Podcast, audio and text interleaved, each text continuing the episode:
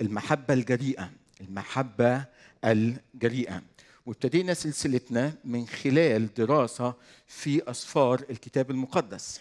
فبدأنا من سفر التكوين وكملنا في الخروج ووصلنا من أسبوعين مع الأسيس حكمة لدراسة الملوك. وتكلمنا على سليمان اتكلمنا على داوود وعن شاول.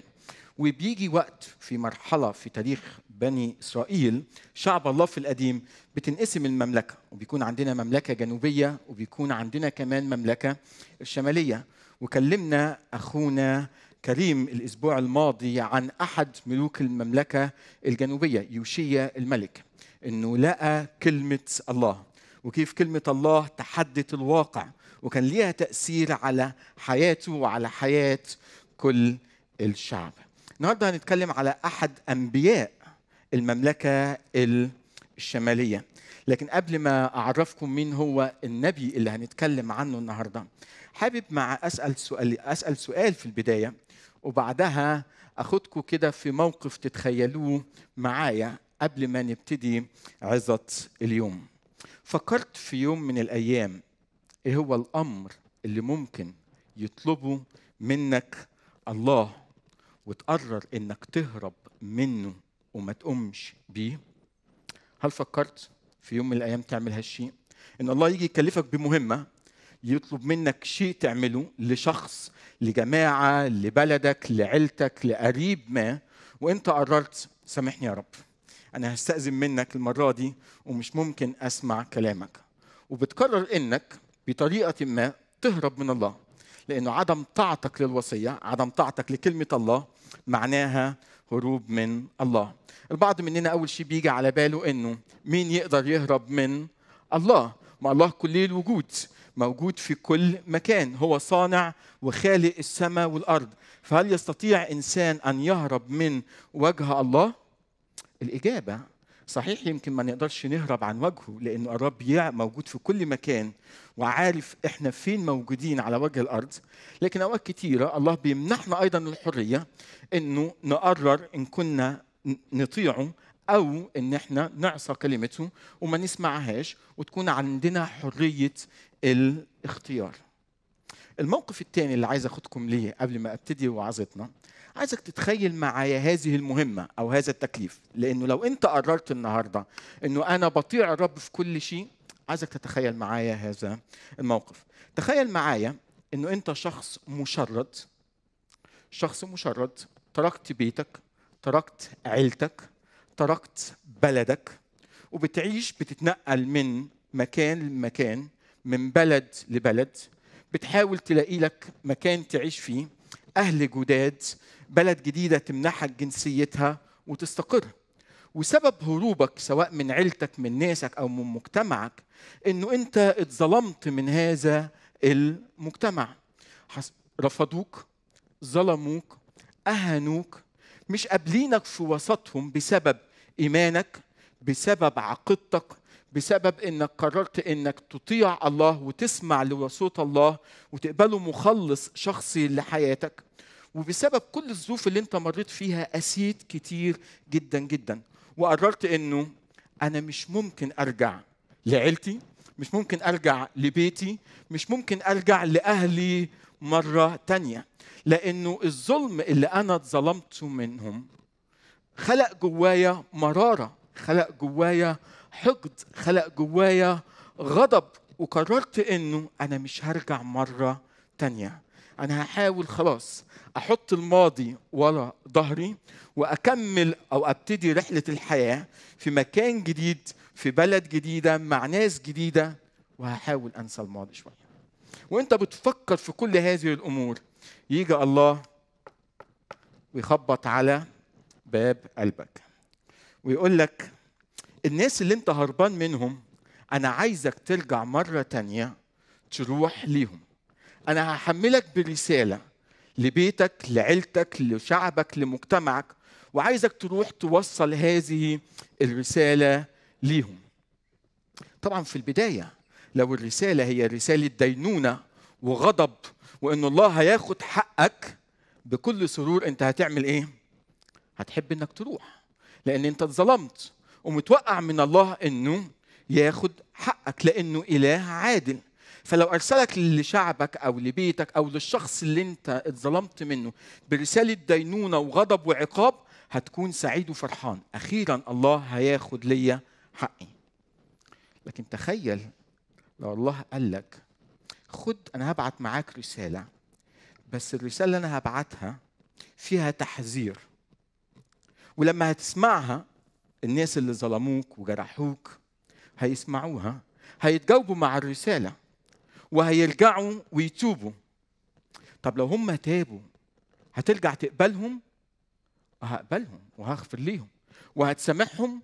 طبعا هسامحهم. وكأنه شيء لم يكن كأنه ما في شيء خلاص. أيوه ما أنا هقبلهم. السؤال هتروح ولا هتقرر إنك تهرب؟ النبي اللي هنتكلم عنه أكيد كلكم عرفتوه. يونان. يونان كان في نفس الموقف وهنقرأ بعد شوية عنه. نبي نبي عارف الوصية بيعرف صوت الله بيعرف كلمة الله وهنشوف مع بعضينا قد إيه هو حافظ هذه الكلمة المقدسة. لكن جه في يوم من الأيام الله كلفه بمهمة. لكن هذا النبي قرر إنه يقدم رسالة احتجاج إلى الله. إنه أنا مش ممكن هقوم بالمهمة اللي انت كلفتني بيها وقرر إنه يهرب. وده موضوع العظة موضوع عظتنا في هذا الصباح. رحمة تشعل الغضب. رحمة تشعل الغضب. هشارك معاكم بنقطتين. النقطة الأولى هنتعلم شيء من يونان. شخصية يونان غضب يونان. لماذا غضب يونان؟ لماذا هرب يونان من وجه الرب؟ والنقطة الثانية اللي هنتعلمها إنه كيف تعامل الله مع يونان؟ الله هو إله رحيم إله غفور وهذه الكلمات هي الكلمات اللي نطق بها يونان نفسه. فكيف تعامل الله مع يونان؟ وأظهر رحمته ليس فقط لشعب نينوى لكن أيضا ليونان نفسه. تعالوا نبتدي قراءتنا من سفر يونان والأصحاح الأول. الأعداد من واحد إلى ثلاثة. يونان الأصحاح الأول الأعداد من واحد إلى ثلاثة وصار قول الرب إلى يونان ابن أمتاي قائلا قم اذهب إلى نينوى المدينة العظيمة. ونينوى في ذلك الوقت كانت مدينة عظيمة لأنها كانت عاصمة الإمبراطورية الأشورية. كانت إمبراطورية موجودة وفي وقت ما تعاملت مع شعب الله زي ما هنقرأ بعد لحظات بقساوة غير عادية. لكن بيقول له ونادي عليها وكلمة نادي عليها إنه نادي بقضاء الله عليها بحكم الله على هذه المدينة. طب لماذا هناك قضاء الله على هذه المدينة؟ لأنه قد صعد شرهم أمامي.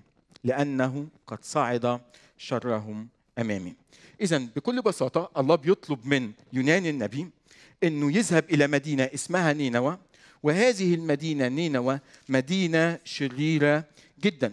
ونعرف عن شر هذه المدينة من سفر نحوم والأصحاح الثاني الثالث والأعداد الأولى. بيصف الكتاب المقدس هذه المدينة نينا وهذه الإمبراطورية إنها ويل لمدينة الدماء بيسميها مدينة الدماء كلها ملآنة كذبا وخطف. في نهب في قتل. وبيكمل الكتاب المقدس وصفه لهذه المدينة إنه بسبب عدد قتل هذه الإمبراطورية العظيمة صعب عليك تمشي في الشارع بدون ما تدوس على جثث القتلى. كانت مدينة مجرمة جدا. وطبعا أول ما الله قال ليونان اذهب إلى نينوى تفتكروا؟ إيه اللي حصل في ذهن وتفكير يونان. اتذكر اتذكر ذكريات مؤلمة. نينوى نينوى المدينة اللي كلها دماء نينوى اللي, اللي قتلت شعبك وشعوب تانية نينوى اللي, اللي دمرت وحرقت نينوى خلقت جوة يونان ورجعته لذكريات قديمة مؤلمة عن شر هذه المدينة. وأكيد اللي جوه يونان كيف ممكن تبعتني لشعب مثل هذا؟ ما أنت عارف قد إيه الشعب ده عذبني. ما أنت عارف الشخص والناس والأهل والجماعة اللي أنت عايز تبعتني ليهم قد إيه أنا شفت المرار والعذاب منهم. زي ما قلت في البداية لو كان الله هيرسل يونان حتى يدين هذه الأمة ويعلن قضاء الله عليها إنه الله هيقول يونان روح لنينوى أنا قررت إن أنا أحرق المدينة كلها بلغهم ومهما عملوا أنا هحرقها. يونان كان بكل بساطة أخذ بعضه وطلع على المدينة لأنه في النهاية الله هياخد حقه. لكن فين المشكلة؟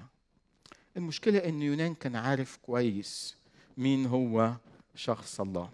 وده هيرجعنا لنص كتير مهم في أرمية أصحاح 18 أرمية أصحاح 18 لأنه في الحقيقة يونان فهم هذه المأمورية هذه الرسالة في ضوء هذا الأصحاح.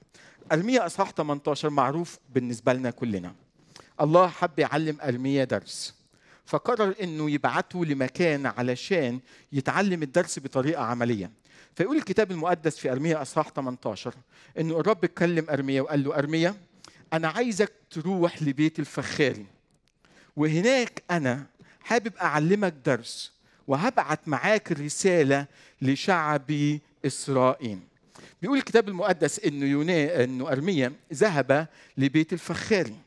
ويقول الكتاب كمان إنه لما راح ارميا عند الفخاري لقى الفخاري قاعد وعنده دولاب. وعلى الدولاب ماسك الطينة اللي بيحاول يصنع منها الفخار.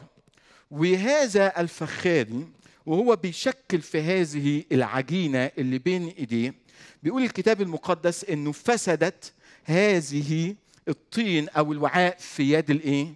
الفخاري فماذا صنع الفخاري في هذا الوعاء اللي بين إيديه؟ أخذ الطينه مرة تانية من على الوعاء أو من على الدولاب ابتدى يعجنها من جديد ويحطها على الدولاب مرة تانية ويشكلها بإيديه حتى يصنع وعاء جديد وعاء آخر كما يحسن في عيني الفخاري.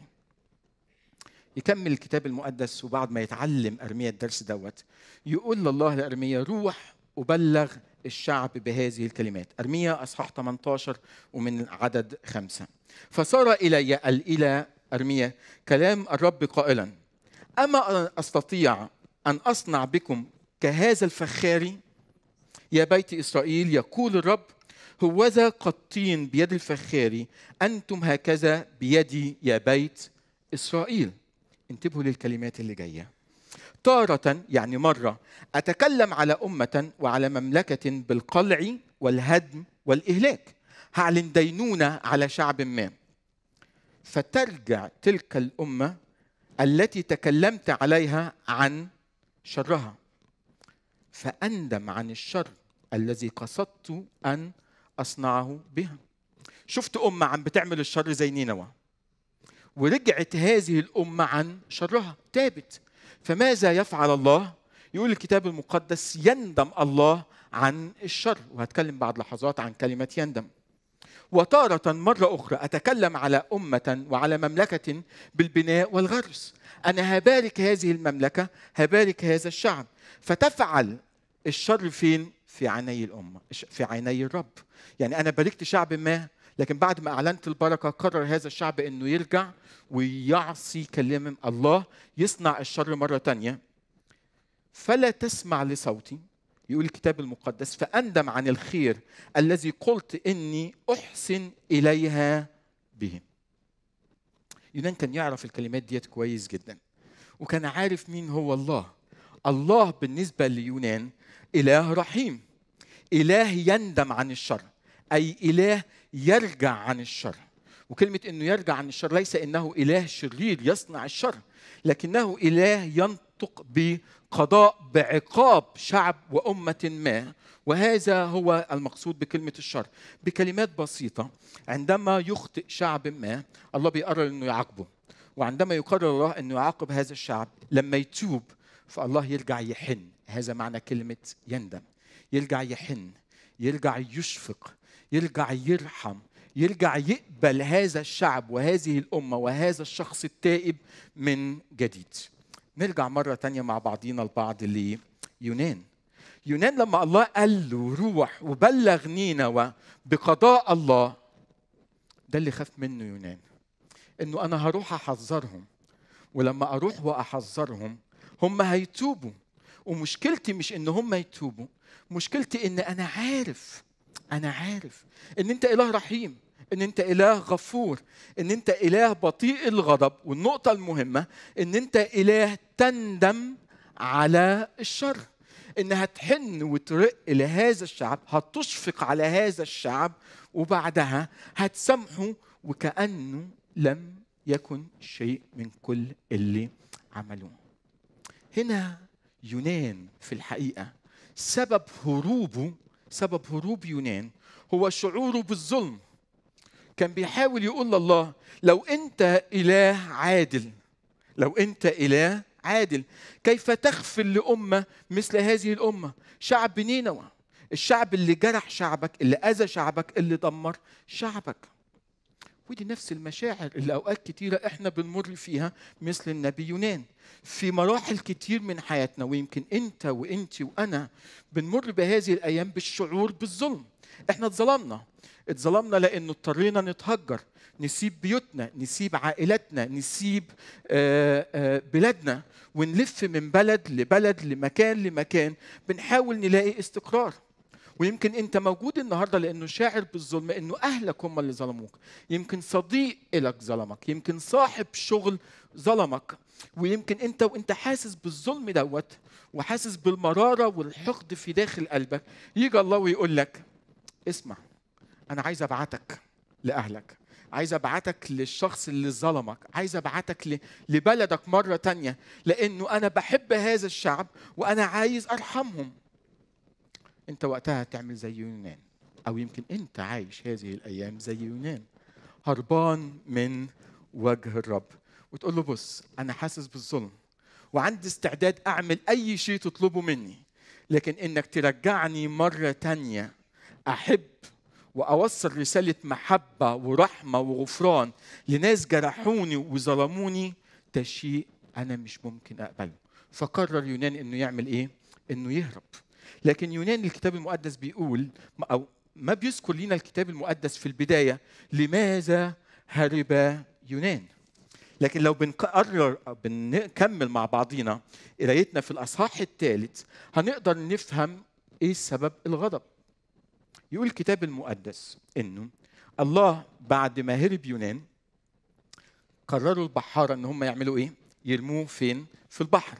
لكن الله أنقذ يونان من أعماق البحر فأرسل له حوتا عظيما. فالحوت لم يكن أو الحوت ما كانش أداة عقاب ليونان لكن كان أداة إنقاذ لهذا النبي العاصي المتمرد الهارب من وجه الله. وبعد ما استمتع يونان وقاعد في بطن الحوت وحس إنه الله أنقذه من الموت قرر إنه يكتب الأصحاح الثاني. مزمور. يشكر الله. يحمد الله من أجل مراحمه من أجل إحساناته من أجل إنه أنقذه من قاع البحر ومن الموت. وينتهي الأصحاح الثاني بهتاف عظيم إنه للرب قال خلاص أنا بشكر الله لإنه هو المخلص هو المنقذ اللي اقامني من قاع البحر وأعطاني حياة من جديد. بعدين يبعتوا لأهل نينوى. يقول الكتاب المقدس إن نينوى كان المفروض يمشي فيها حوالي ثلاثة أيام يوعظ. ما كملش يوم واحد. وأهل المدينة كلهم تجاوبوا مع رسالة هذا النبي وكلهم تابوا. مش بس كده لكن ده الملك نفسه سمع كلمة يونان وسمع عن الأمور اللي بتحصل في قلب المدينة. فنادى بصوم وصلاة وقال هذه الكلمات في الاصحاح الثالث وعدد عشرة أو عدد تسعة كمان. صوموا وصلوا لعل الله يندم ويرجع عن حمو غضبه فلا نهلك نهلك. يقول عدد عشرة فلما رأى الله أعمالهم إنهم رجعوا عن طريقهم الردية ندم الله على الشر الذي تكلم أن يصنعه بهم فلم يصنعه. تاب الشعب ولما تاب الشعب قرر الله إنه يرجع عن العقاب وإنه يرحم هذا الشعب. يقول الأصحاح الرابع وعدد واحد. فغم ذلك يونان غما شديدا فعمل إيه؟ فاختاظ. وكلمة غم هنا معناها الشر إن كان الله فرح لتوبة يونان فيونان اعتبر أن هذه التوبة هي شر عظيم جدا. ويقول الكتاب المقدس هنا ابتدى بقى. ابتدى الغيظ ابتدى الغضب ابتدى الحقد ابتدت المرارة ابتدى ابتدت في غليان بركان في أعماق قلب يونان. وابتدى يكلم الله ويكمل الكلمات اللي إحنا هنقراها مع بعضينا.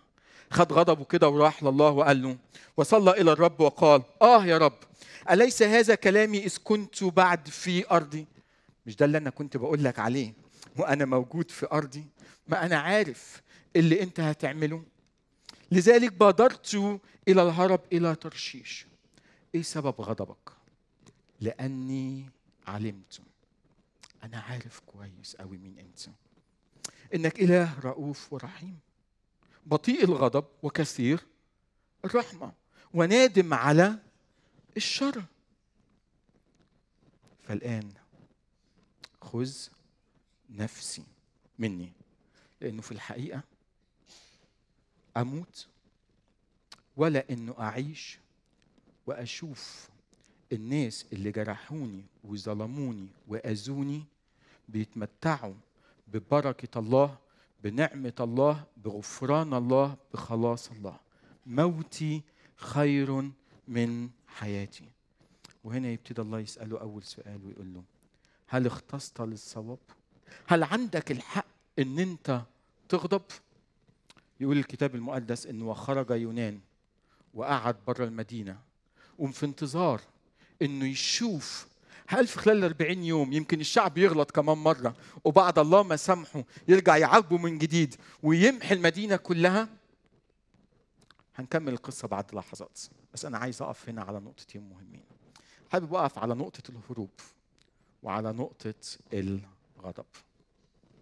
الله بيكلفنا أوقات كتيرة بأمور في حياتنا وبيطلب منك ومني إنه ناخد رسالته ناخد كلمته أو نخدم ناس معينة وإحنا شاعرين انه بصراحة الناس ديت ما تستحقش الخدمة.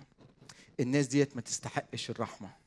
انت ممكن تطلب مني انه أروح اخدم اي خدمة بس ارجع لبيتي ولناسي والارضي ولعشيرتي ارجع للناس اللي ظلموني مرة تانية يا رب أنا مش ممكن اعمل كده. لكن السبب اللي خلاك انت وأنا رافضين انه نسمع لصوت الله لأنه جوانا غضب جوانا مرارة جوانا نقمة على الناس اللي ظلمونا. وده اللي إحنا بنختبره أوقات كتير. البعض مننا موجود هنا النهارده ويمكن المشاهدين اللي بيسمعوني في كل مكان حاسس بالظلم بالظلم. بالظلم لأنه بنعيش أوقات ودي قناعة البعض بنعيش في بلاد إحنا فيها مضطهدين بنعيش في بلاد إحنا فيها مظلومين بنعيش في بلاد إنه السبب الألم والعذاب والتعب والخراب اللي إحنا عايشين فيه بسبب جماعة معينة بسبب دين معين بسبب الوطن اللي إحنا عايشين فيه فدايما عندنا شعور بإنه إحنا مظلومين إحنا مضطهدين إحنا مجروحين إحنا ما عندناش الحرية الكافية للعبادة. إحنا وإحنا وإحنا وإحنا.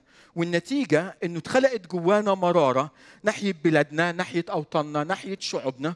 وكل واحد فينا بيفكر إنه إمتى أطلع من هذه البلد هقفل الباب ورايا وأول ما بلاقي بلد جديدة وطن جديد أعيش فيه أنا لا يمكن أرجع لا لبيتي ولا لأهلي ولا الوطن العربي اللي إحنا عايشين فيه مرة تانية ابدا. أنا هحط كل دول ورا ظهري وعايز أبتدي حياتي من جديد. ليه؟ لأنه أنا اتجرحت. أنا اتجرحت. لأنه حاسس بمرارة حاسس برفض حاسس بألم. وعشان كده أوقات كتير كمؤمنين قررنا إنه ملناش دعوة ببلادنا. ملناش دعوة بالمجتمع اللي إحنا عايشين فيه. لأن كل اللي شايفينه هو ظلم هو اضطهاد. اتجرحنا. وده خلق جوانا مرارة. عايز أسألك في هذا الصباح هل أنت هارب من وجه الله؟ هل الله بقاله فترة بيكلمك على إنك تفضل على إنك تقعد على إنك تخدمه على إنك تمد إيدك برحمة وبمحبه لشخص آذاك لصاحب شغل لعيلتك يمكن اللي جرحتك ورفضتك في يوم من الأيام؟ هل الله بيكلمك على جماعة معينة إحنا عايشين في وسطنا في وطن عربي له خلفية معينة وفي جماعة بتعيش في هذا الوطن والله بيقول لك انه روح وحب وإغفر وسامح وأنت بتقول له بص أنا عندي استعداد أخس أسامح أي حد عندي استعداد أغفر لأي حد عندي استعداد أخدم أي حد. لكن اللي جرحني واضطهدني وسبب لي الألم وخلاني أكون مشرد من بلد لبلد ومن بيت لبيت ومن شغل لشغل وواصل بيا الحال أحيانا إنه لا الاقي آكل ولا أشرب أنا لا يمكن أرجع للناس ديت. ولما أنا وأنت بنعيش في غضب وتفضل المرارة عايشة جوه قلوبنا مش بنقدر نسمع لكلمة الرب. هربان؟ غضبان؟ تعالوا مع بعضينا ننقل للنقطة الثانية ونشوف كيف الله تعامل مع يونان. خرج يونان وقاعد برا المدينة وفي انتظار إنه يمكن يمكن يمكن الله يحرق هذه المدينة ويحرق هذا الشعب. لكن يقول الكتاب المقدس إنه القصة لسه ما انتهتش. الله عايز يكمل الرحلة ويعلم يونان درس مهم. علشان كده أخذوا لمدرسة. وأنا بسمي هذه المدرسة هي مدرسة الخليقة مدرسة الخليقة. يقول الكتاب المقدس إنه عدد ستة فأعد الرب الإله يقطينا. يونان قاعد في الصحراء في نينوى والجو حر كتير والله قرر إنه يعلم يونان درس من خلال إنه أعد الله يقطينا. وبيقول الكتاب المقدس هذه اليقطينة ارتفعت فوق يونان لتكون ظلا على رأسه. تضلل عليه. وطبعا في وسط الحر وانت قاعد في الصحراء محتاج لنبتة لشجرة حلوة تضلل عليك. بس الهدف يا رب إنك ليه بعت ليونان هذه الشجرة؟ بيقول الكتاب المقدس لكي يخلصه من غمه. عن أي غم؟ هل غم إن هو قاعد في الحر وفي الصحراء ومحتاج انه وزهقان ويمكن قرفان من نفسه ومحتاج شيء يضلل عليه ممكن بس يمكن الرب كان عايز يخلصه من غمه اللي اتغموا في عدد واحد لما سمع عن توبة أهل مين؟ أهل نينوى. طيب يقول الكتاب المقدس بعدها ففرح يونان من أجل اليقطينة فرحا فرحا عظيما فرح يونان من أجل اليقطينة فرحا عظيما. ودي أول مرة في الصفر. يونان الغضبان يونان الهربان يونان اللي بيتمنى الموت لنفسه يفرح ويبتسم. بس في الحقيقة ديت مش أول مرة. ديت تاني مرة. لأنه المرة الأولى اللي فرح وهتف فيها يونان لما كان في بطن الحوت لما أنقذه الله من الموت. ودي نقطة عايز أقولها على يونان كمان مرة قبل ما ننقل على الله. إن يونان شخصية ازدواجية. يونان دايما فرحان ودايما مبسوط ودايما بيهتف ودايما بيرنم طول ما رحمة ربنا ليه هو. أنت تستحق الحوت ما استحقش. تستحق إن الله ينقذك من الموت أنا ما استحقش. طب لما الله ينعم عليك في عدم استحقاقك تعمل إيه يا يونان؟ اهتف وسبح ورنم. ولما تكون قاعد في في الصحراء وقرفان ومش طايق نفسك وبتتمنى الموت وكمان الله ينعم عليك بشجرة تفرح قلبك. تعمل إيه؟ أفرح واهتف ورنم. طب لما الله يمد إيده ويرحم غيرك اللي من وجهة نظرك ما يستحقش الرحمة بتعمل إيه؟ بغضب بهرب وبتمنى الموت. لنفسي. أنا وأنتم بنبقى في الاجتماع مبسوطين وفرحانين. بارك يا نفس الرب. بنشكر الرب على جوده على خيره على إحساناته. بنشكره على رحمته. بنشكره على غفران الخطايا. بنشكره على كل الأمور الرائعة اللي بيعملها معانا. لكن لما نشوفه نفس الرحمة اللي اتمدت لينا بيشارك بيها أو بيقبل أشخاص تانيين غلطوا في حقنا وظلمونا اللي بيحصل. بنغضب بنغضب بنغضب بنغضب بنغضب جدا كمان مع الله. وبنقول له إزاي؟ إزاي إزاي تباركوا إزاي تسامحوا إزاي تغفروا مش عارف اللي هو عمله فيا. إزاي يعني إنك تديله غنى؟ إزاي تديله شغل؟ إزاي تديله نجاح؟ أنت مش عارف اللي عمله فينا.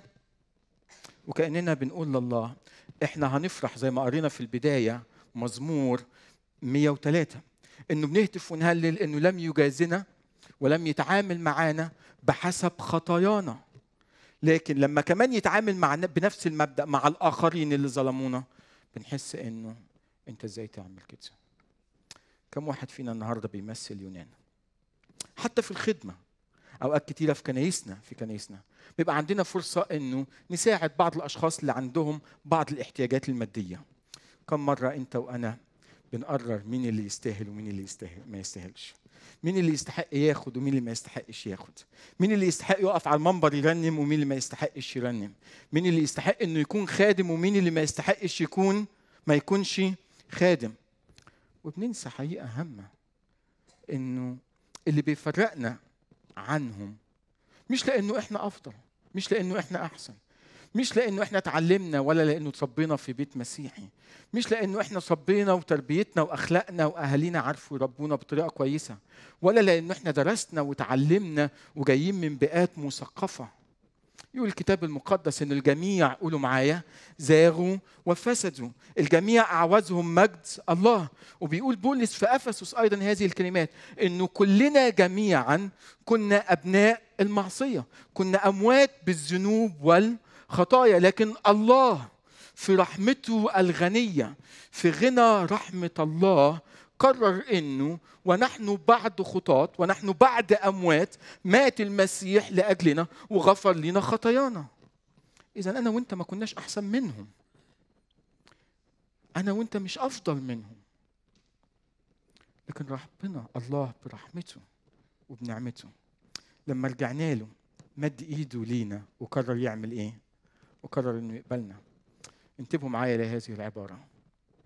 عندما نقبل نعمة الله لحياتنا ونرفض أن الله ينعم على الآخرين كأننا عن عدم وعي بنقول لله النعمة اللي أنا بستمتع بيها أنا أستحقها والتاني ما يستحقهاش عشان كده أنا أخدتها وهو المفروض فرح يونان فرح عظيم. خلص الدرس قربنا نخلص الدرس خلاص. واصلين لأهم نقطة في هذا الدرس وهي إنه بعد كده قرر الله إنه يبعت دوده فتعمل إيه؟ فتاكل الشجرة نشفت الشجرة. وبعدها لما تكون الشجرة ناشفة إنه أي ريح بتعمل إيه في ورق الشجر؟ بيطير ورق الشجر وخلاص. ما بقى فيه الشجرة لا موجودة ولا الظل موجود ولا أي شيء. ويقول الكتاب المقدس إنه فطلب يونان لنفسه الموت. وقال الرب مرة تانية موتي خير من حياتي.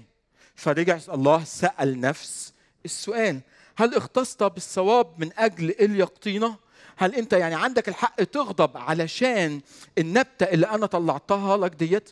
يرد عليه يونان ويقول له طبعا أنا عندي الحق أغضب لدرجة الموت. وهنا يجي أهم درس في القصة كلها آخر عدد. وكأن الله حطه في الكورنر حطه في الزاوية وقال له ده الدرس اللي عايزك تتعلمه. يكمل الكتاب المقدس. فقال الرب اسمع هذه الكلمات في هذا الصباح. أنت أشفقت على اليقطينة التي لم تتعب فيها ولا ربتها بنت ليلى طلعت وبنت ليلى ماتت. أفلا أشفق أنا على نينا والمدينة العظيمة التي يوجد فيها أكثر من اثنى عشر ربوة من الناس الذين لا يعرفون يمينهم من شمالهم وبهائم كثيرة. ده سؤال الله ليونان وسؤاله لينا. ماذا نتعلم من هذا السؤال؟ بعض الحاجات كده في الدقائق المتبقية لينا نتعلمها عن شخص الله. اللي عايز الله يقول اليونان أول شيء. الناس اللي أنت شايفهم أعداء أنا شايفهم دول خليقتي أنت ما تعبتش في اليقطينه بس أنا تعبت فيهم. أنا خلقتهم على صورتي خلقتهم على شبهي خلقتهم على مثالي. صحيح يمكن إنه بيغلطوا صحيح بيكسروا الوصية صحيح ظلموك وجرحوك يا يونان. صحيح أنا أنا حاسس فيك أنا حاسس معاك بس مش الحل إن أنا أنفيهم. مش الحل إن أنا أموتهم مش الحل إن أنا أمحيهم من على وش الأرض. الحل يا يونان إن أنا أتعامل معاهم زي ما اتعاملت معاك. لما أنت هربت وكنت غضبان وعصيت كلامي أنا رحمتك. وده اللي هيغيرك. وده اللي هيغير نينوى. اللي هيغير نينوى مش لما أعاقبها. اللي هيغير هذا الشعب الشرير لما يرجع ويتوب ويعرف الله مرة تانية. وكأن الله عايز يقول له اللي شايفهم أعدائك أنا عايزك تبص عليهم من النهاردة إن دول خلقتي. دول خلقتي. دول أنا تعبت فيهم. دول زيك زيهم. وزي ما أنا غفرت ليك أنا هغفر ليهم. طب هتغفر ليهم ليه؟ يقول له في نفس العدد ودي النقطة الثانية اللي نتعلمها عن الله. لأنهم لا يعرفون يمينهم من شمالهم. وهذه التعبير في في مفهوم الكتاب المقدس إنه بيعبر عن الجهل وعدم معرفة وعدم طاعة لوصاية الله. الشخص اللي ما بيعرف يمينه من شماله بنقول عليه شخص تايه شخص عنده جهل. فالله عم بيقول لي يونان أنت عارف ليه أنا هغفر لهذه الجماعة؟ عارف ليه أنا هشفق عليهم؟ لأنه تايهين لأنه خطاط لأن هم مش عارفين الصح من الغلط. لأن ما عندهمش علم بشريعتي لأن هم مش بيعرفوني أنا الله المحب الرحوم الغفور. شر نينوى خلق غضب في قلب يونان وشر نينوى خلق رحمة في قلب الله. وده قرارك أنت النهارده زي ما هو قراري أنا. اللي ظلمونا وجرحونا لا اما نكون زي يونان ويتخلق جوانا غضب ومرارة وهروب لا اما نقول له يا رب في هذا الصباح اخلق جوانا شفقه اخلق جوانا رحمة اخلق جوانا مراحم أبدية. ونقبل إن كلنا شعبك كلنا خلقتك وإن كنت النهارده بتوصينا نروح ونحب نروح ونغفر نروح ونسامح نروح ونبشر. علمنا إزاي نطيع صوتك ونضيع وصاياك إذا بنتعلم في هذا العدد عن الله إنه إله رحيم إله شفوق إله كل نعمة. إله لما بنرجع إحنا ليه بي بيتجاوب معانا بيسامحنا وبيغفر لنا خطايانا. لكن أهم درس نتعلمه عن الله في هذا الأصحاح وفي هذه العظة إنه الله عنده الحرية. أنا وأنت ولو نسيت كل الوعظة ما تنساش هذه الكلمات. بيبقى عندنا الرغبة إنه نحجر على الله. نحجر على الله. عايزين نسلب الله حقه. والسؤال ليونان هو كان التالي هل عندي الحق أنا الله أشفق أم لا أشفق؟ مين اللي بيقرر؟ مين اللي عنده الحق أنا ولا أنت؟ يونان محطوط في موقف صعب جدا. لأنه اسلوبه وطريقة تعامله مع الله بتقول إنه أنت ما عندكش الحق تشفق. أنت مش عادل.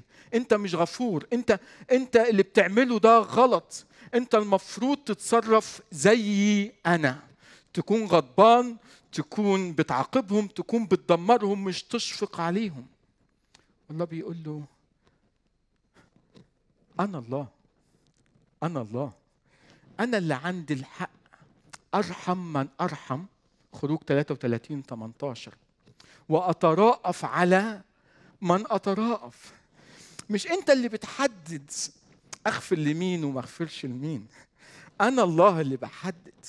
وأنا بتعامل معاك ومع كل خليقتي مش بس بالعدل اللي معناها العقاب والدينونة والخراب والموت. عدل الله ليس فقط يعني الدمار والخراب والموت. عدل الله أيضا يعني إنه يعطي الإنسان فرصة حتى يتوب ويرجع. هذا هو إلهنا هو عادل. صحيح بيجي وقت وبيعاقب لكن في نفس الوقت لأنه عادل. بيدي الإنسان فرصة وهنا بنشوف العدل والرحمة. بيدي الإنسان فرصة إنه يرجع مرة تانية ويتوب. بنحاول نغير الله علشان يكون شبهنا. واللي عايزك تصلي النهارده لاكله وإحنا بنصلي الوقت اللي جاي إنك تقول له الكلمات دي تقول له سامحني. سامحني لأنه أنا بحجر عليك.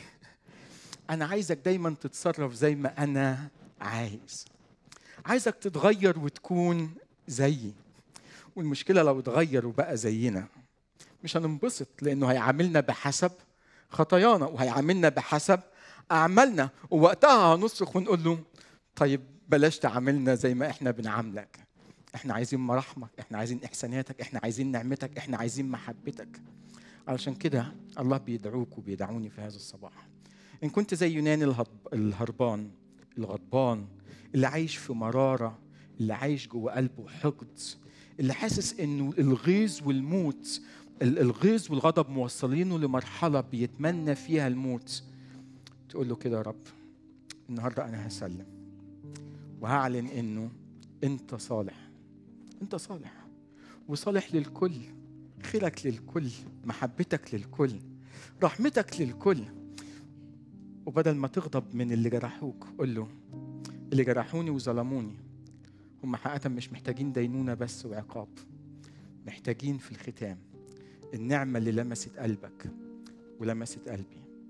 تلمس قلوبهم فهم كمان يتغيروا.